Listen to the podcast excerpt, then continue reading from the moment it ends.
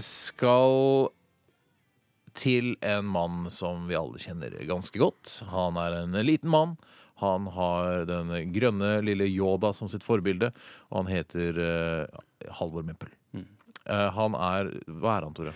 Han er eh, en eh, middelaldrende herre eh, som jobber som lommelege på dagtid. Ja. Og på kveldstid så lever han som et vanlig person, bortsett fra at han er mindre enn en kaffekopp. Ja, Men hvordan, hvordan ble han så liten? Eller hvorfor har han ikke vokst seg stor? Nei, det er kan, Det kanskje tar på meg litt av skylda for det som kritisk journalist. Ja.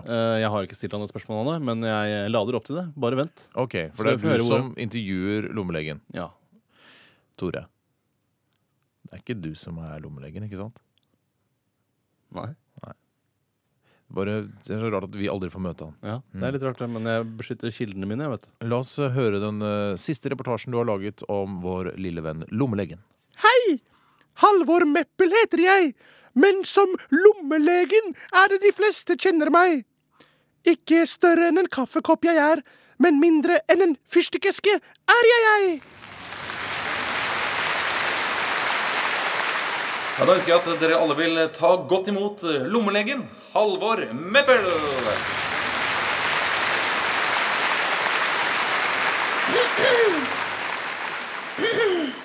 For det takk, Erik.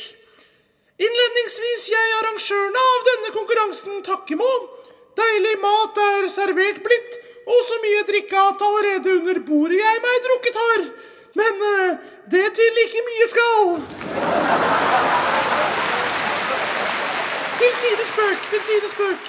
Jeg i kveld invitert er blitt for å det siste innen revmatisk forskning formidle. Jeg nå i over seks uker på studiereise i Washington.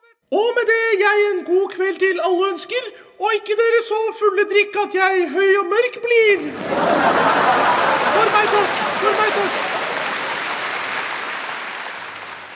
Endelig hjemme etter hyggelig legekonferanse jeg har vært.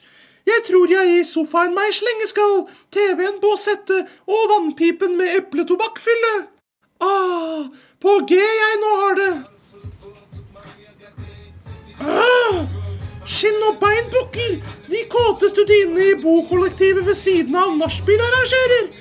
Jeg med slippers og slåbrok påta, og et par alvorlige ord